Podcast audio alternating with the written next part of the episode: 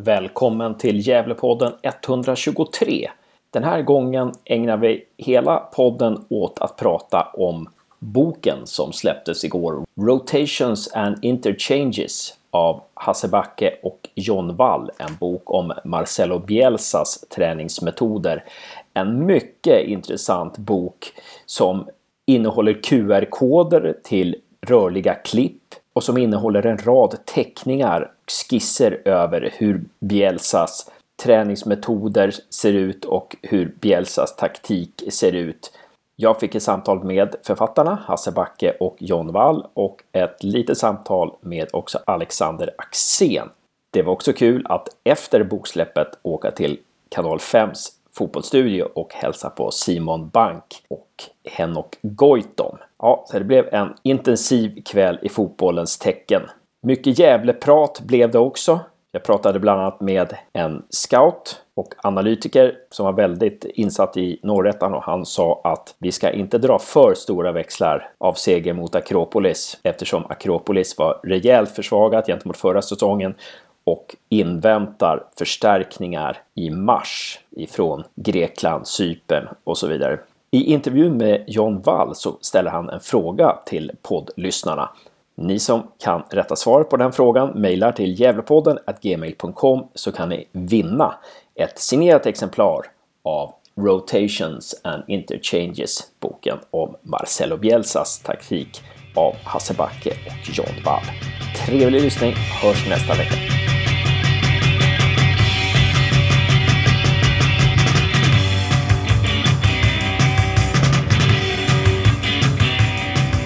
En stor ära, Hasse Backe, att få prata med dig i Gävlepodden. Och grattis till boksläppet då. Vad, vad, är det, vad, är det, vad är du mest stolt över när det gäller den här boken? Vad, vad tycker du ni har lyckats bäst med, du och John Wall? Att vi lyckades slutföra den. Det har tagit tid alltså. Det, jag såg ju eller mötte ju Bielsa med Chile 2008 med Mexikos landslag då när jag var assisterande och var ju helt förhäxad av den fotbollen. Och efter det har jag ju följt honom så mycket som möjligt och grottat ner mig. Men om man ser till bokinnehållet så är det väl vi siktade in oss på anfallsspelet.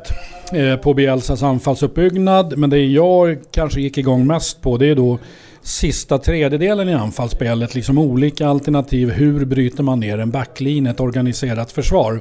För där tror jag att vi har ganska mycket att lära. Så det är väl det som sticker ut mest för mig då.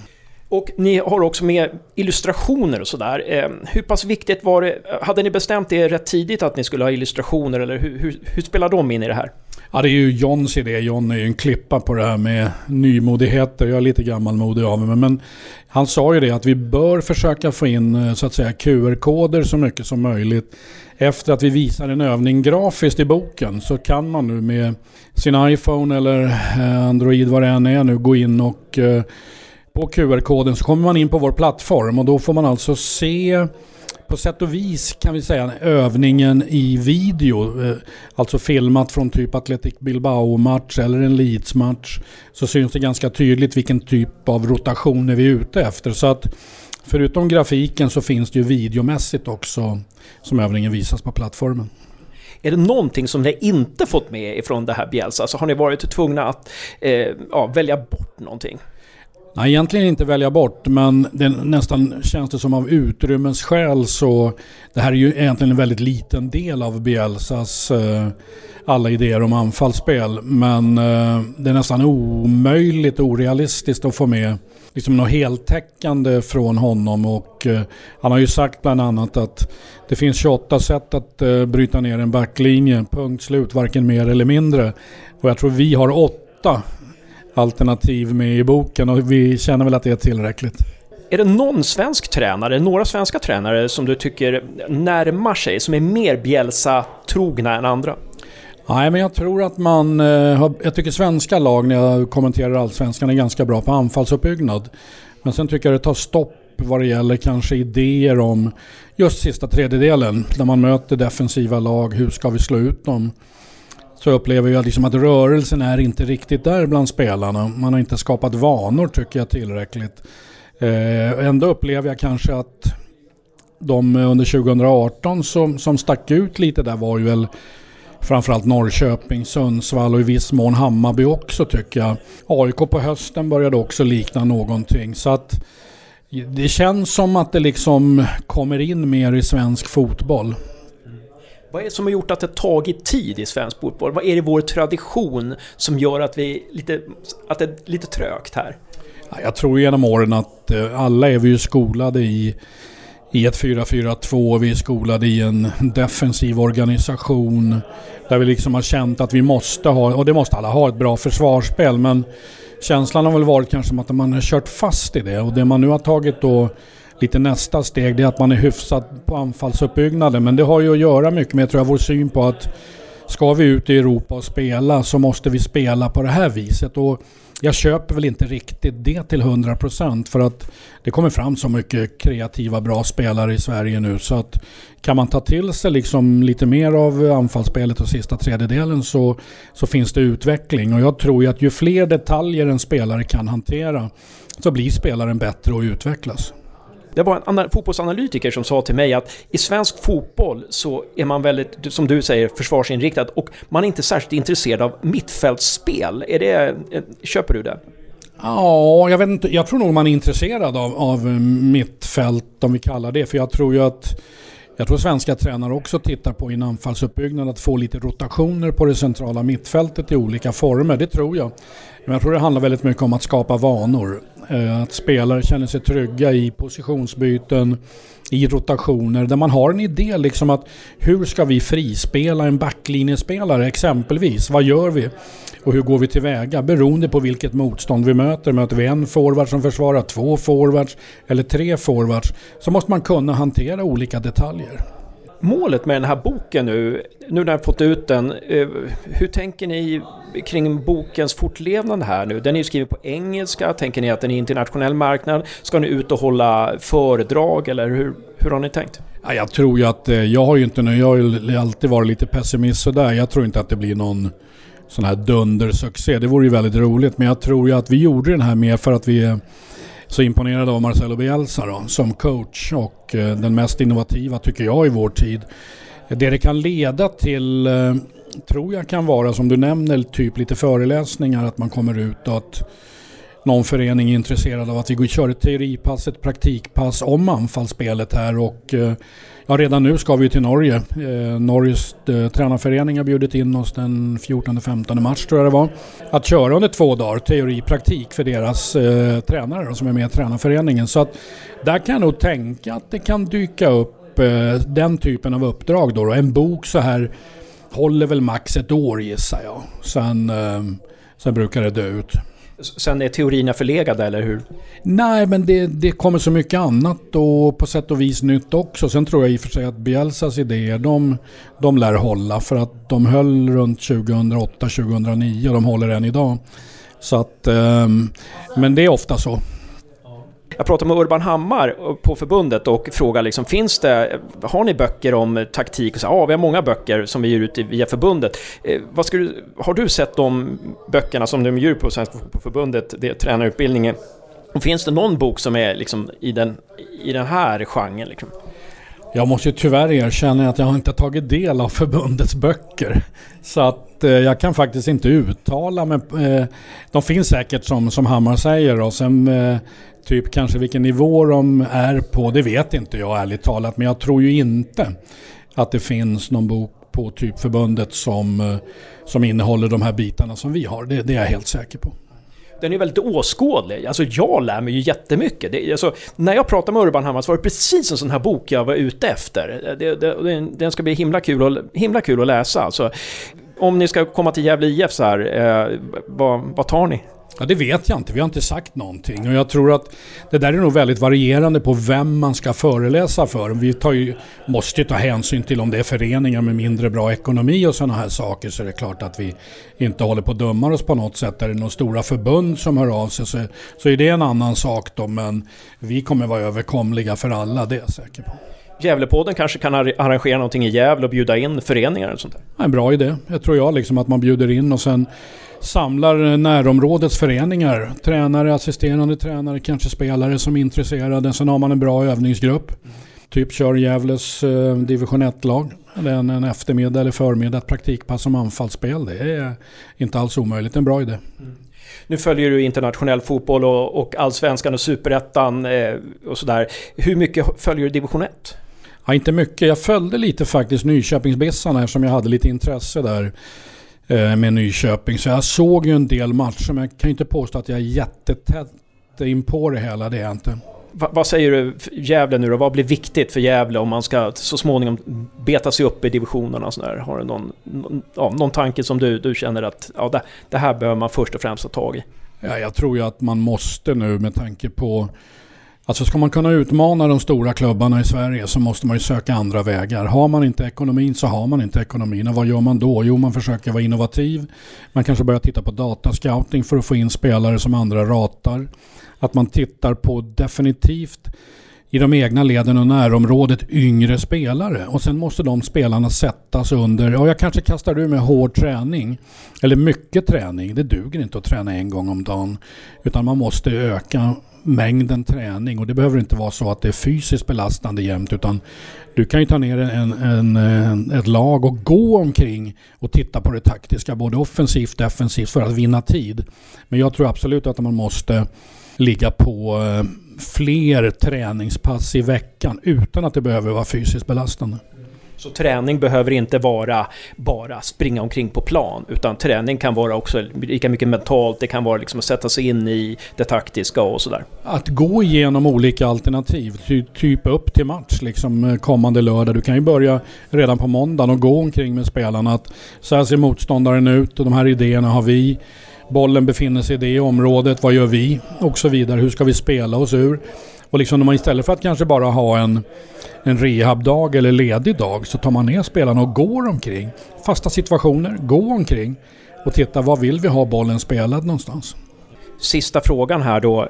De Gävlespelare genom tiderna som har gjort störst intryck på dig, vilka skulle det kunna vara? Jag vet att du är oförberedd på den här frågan men eh, du får dra några från höften. Ja, vem ska jag kasta? Jag menar, det, jag tar ju ändå med mig givetvis Pelle Olsson eh, vad det gäller Gävle, även som spelare, inte bara tränare. Berggren satte ju avtryck. Eh, definitivt, det är ingen tvekan om. Så att, eh, ja, det är väl de namnen. Går man längre tillbaka i tiden så kanske de faktiskt tillhörde Sandviken. Alltså de landslagsspelarna och så vidare. Ja, stort tack Hasse Backe för att du ställde upp i Gävlepodden. Hoppas vi kan få med dig fler gånger. Ja, absolut. Jag ställer gärna upp och det vore kul att köra ett eh, Bielsa-pass uppe i Gävle, absolut. Det ska vi jobba för, verkligen. Bra, tack för det.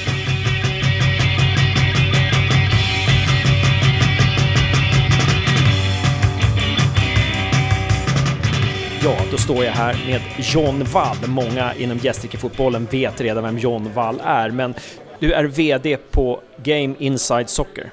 Det stämmer bra. Stort grattis till eh, nya boken! Tack! Och det var kul att ha Gävlepodden på plats också. Här, tack så mycket! Och här har det varit eh, fint folk från Fotbollssocieteten eh, som, som, på Sveavägen här som har, som har eh, kilat, kilat eh, förbi här och tagit sitt ex och lyssnat på er. Vad, hur kom idén till, till den här boken? Ja, dels är det väl med Hasses liksom faktiska möte med Bielsa 2008. Eh, för mig jag träffade Hasse första gången 2007 eh, när han var i city så jag var i praktik där två veckor men det är först liksom efter många år som vi har någonstans börjat jobba tillsammans men en herrans massa timmar snackande så Bielsa för mig är hela det här Bilbao mot United, United mot Bilbao 2012 jättestarkt för mig som match och vad det förändrade min syn på fotboll rätt mycket. Var det, var det där? Det var att eh, Atletic slog ut United och var ganska nedlagstippade, eller hur var det? Ja, det blir det väl automatiskt. Under Ferguson var väl alltid United tippat till att vinna, men eh, samtidigt Bilbao var ju liksom, det var en brutal käftsmäll. Dels på sättet de gjorde det. Ja, de vann, men det var ju mycket i det sättet de gjorde. Och verkligen sprang sönder, hade bollen mer och gjorde mer saker än vad United kunde drömma om egentligen. Ni visade lite klipp från den här på en storbildsskärm och, och för en lekman i alla fall, om jag ska göra en analys av det här, att det kändes som att, som att Bilbao hade, när de gick till anfall, hade de hur många möjligheter som helst. Det, det fanns liksom, det fanns det kändes som att de hade jättemånga kombinationer som de kunde köra och United kunde bara försvara sig mot vissa. Eh, vad tycker du om den analysen? På den nivån absolut väl, välformulerad. Eh, men eh, någonstans, egentligen kommer det alltid tillbaks till den kontexten och den kritiska punkten. Liksom, vad vill du med din fotboll? Och i Bielsas fall så är det liksom, i och med att han hade världens största matchbibliotek som privatperson. Och han är ju ganska influerad av Menotti och Bilardo, men sen även under Louis van Gaal under Ajax, den storhetstiden. Och då har han ju studerat dem extremt noggrant och där, ett citat, för det gillar jag ju rätt mycket själv, men ja, Ajax är väldigt bra under van Gaal för de spelar bollen i snitt bakåt 53 gånger per match bara. Utan man spelar bollen framåt extremt mycket. Och det är nyckeln alltså, inte spela bakåt. En av nycklarna är att inte spela bakåt utan tänka framåt. Alltid, det är inga kartonglirare välkommen hos honom.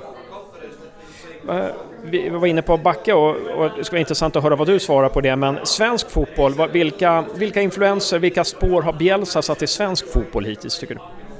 Inte speciellt många. Eh, vi är ganska anglofilt påverkade i Sverige. Alltså den största influensen vi har, alltså fotbollen, Backe växte ju upp i det själv men det var Roy och Bob under 70-talet, eh, har påverkat den och sen hade du, det var ju en sida och den andra sidan var ju med Laban då, som var mer man-man markering. Men utgångspunkten har ju vilat i ett försvarsutgångspunkt och framförallt positionsförsvar, tidigare zonförsvar.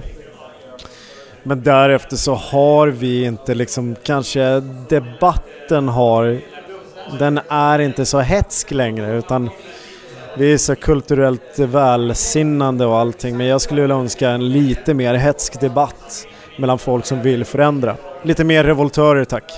Men att när man pratar med tränare och spelare så här så tycker de att Bielsa är en stor inspirationsfaktor. Eh, men det låter på dig som att så är det inte egentligen då i svensk fotboll. Eller? Jag tycker det är ganska mycket. Man kan säga en sak men man gör en annan. Men är det någon som vågar göra det utan att vara rädd för sitt jobb, utan att man är rädd för att få publikens ogillande just där och då. Vem är villig att löpa linan ut? Jag ser inte någon just så, speciellt så. Poja har ju haft svårt i Göteborg till exempel att övertyga om ett, ett offensivt spel eh, och sådär och har ju fått krypa till korset lite nu. Skulle du säga att det är ett exempel? Ja, det är, det är lätt att man pekar på den tränaren som den enskilda faktorn, men jag tycker att den är betydligt mer komplex än så. Eh, alla vet att Göteborg är ett, eh, ett sorgligt misskötsel eh, en misskött klubb eh, utifrån sportsliga intentioner, ambitioner och vad man står för. Och man har förlikat sig med att man har stått för någonting som gav dem vinster på 70, 80 och 90-talet och en bit in på 00-talet. Men fotboll förändras. Och vill du antingen stå och kolla på och vinka av tåget som går på perrongen eller vill du ta och hoppa på tåget? Vad hoppas du att det ger för ringa på vattnet, den här, den här boken? Ja, jag ska inte säga att jag kommer vara någon förändrare för att jag är inspirerad. Och, men det är väl mer att är man villig att komma ur sitt eget huvud eh, och är man villig att utmana status quo. Det behöver inte vara som det alltid har varit och det behöver inte förbli som det alltid har varit. Eh, låter det som Gävle IF eller? Ja, ja, intressant. Men så att lite mer risktagande vill du se, alltså de, att folk tar till sig av Bielsa och de här teorierna på djupet och lite mer risktagande, våga se möjligheterna istället för bara vara riskminimerande. Ja, våga löpa ut och våga vara sin egen person. Eh, stå för dina principer, försvara dem, gå i krig med dem, men sen våga justera också, var inte större än så. så det är ungefär som att eh, du, alltså, du skulle inte bete dig som du gjorde för 20 år sedan. Du har förmodligen förändrats lite idag kanske. Ja, och det är även jag. Liksom. Jag kan inte säga att jag var ju rätt kass för 10 år sedan. Och jag är säkert, jag suger rätt fortfarande säkert. Men jag är villig att utmana mig själv och jag har inga problem att jag själv ska inte komma i vägen för min egen utveckling. Men jag tror att när folk lyssnar på den här podden om 20 år så kommer de tänka du gjorde ett bättre, gjordes bättre intervjuer förr. Nej, tramsigt. Men jag sa det till Hasse Backe också, när jag pratade med Urban Hammar för något halvår sedan så frågade jag fin, finns det några böcker om, om teori och, och så här, spelteori och sådär? Och vi har jättemånga som vi ger ut på Fotbollförbundet. Och när jag såg den här boken idag, jag bara bläddrade lite i den så att jag var wow, det är precis den här boken jag letat efter. Finns det några motsvarande böcker eh, till den här som, eh, ja, på den svenska marknaden? Eh, svenska marknaden, ja det är väl inte en jävligt specifik och nördig i sig va? men eh, samtidigt så är det, jag har sneglat rätt mycket utomlands och genom det. Spirförlagerung.com, René Maric som är ass i Red Bull Salzburg, är ju en sån där analytiker som har blivit tränare. 21 år, eh, började starta upp den här 2011. Eh, kanske var yngre till och med, men blev anlitad av Thomas Tuchel eller Mainz, började göra motståndaranalyser och allting. Eh, de har gjort en bok, men den är fortfarande på tyska. Eh, du har konceptfotboll.com. Jag kan överösa dina lyssnare med extrema sådana här saker. Sen har du eh, the, the Total Football Analysis som är ett prenumerationsbrev. Så att där, om den som vill nörda, hör av er till mig. Jag träffade bland annat Albin idag bland annat eh, och vi pratade om fotbollsteorier och sådär. Så att den är hälsning till Albin. Albin Louis Kangas? Nej. Eh, Albin Ekdal? Nej, inte det heller. Albin från Gävle. Eh, jag tror han skriver en del på eran, till eran podd bland annat, sådär, på Twitter. Eh, men prata om sådana saker och att folk ska träffas, utmana varandra. Så jag ska väl eh, roasta Eldar Abdulic i SAIK Fotboll snart också, det är dags för det. Men, men så, inte så många så svenska böcker skulle du säga finns? Det finns inte så många sådana här svenska böcker? Nej, och tendensen, det som kommer från svensk fotboll eller fotbollsförlaget har ju ett ekonomiskt incitament också med det de säljer. Så det innebär att den är ju väldigt likriktad utifrån vad den normala fotbollstränarutbildningen är. Jag tycker de har tagit jättemånga steg men jag tror man behöver saker som är lite radikalt annorlunda. Och det är kanske där vi hamnar som nisch då. Så jag känner när jag hade läst den här, fan jag vill bli tränare, det här är ju skitspännande. Äntligen börjar jag förstå saker och ting. Men eh, jag tänkte att vi skulle köpa en eh, Mesatex till Gävlepodden här och eh, lotta ut eh, till lyssnarna, eller de får eh, svara på någonting. Eh, men vad tycker du läsarna, eller, lyssnarna ska svara på för fråga? Är det någon fråga, så här, någon Bjälsa-fråga som du har till lyssnarna som de kan... Eh, som, som, ja, någon sån där nördfråga som vi kan kasta till lyssnarna? Du behöver inte svara på en gång, du kan tänka lite om det. Jag har en. Eh, vad har Lionel Messi och eh, Marcelo Bielsa gemensamt? Mycket intressant, mycket intressant. Så att, kan ni svara på den? Den, den som kan svara på den mejlar till eh, Gävlepodden gmail.com och kan vinna en signerad bok av eh, Hasse Backe och John Wall. Ja, men bra. Ja, men jag tror att vi stannar där John och så hoppas jag att vi kan få ha med dig i Gävlepodden många gånger till. Jag vill gärna vara med, så jag ställer gärna upp.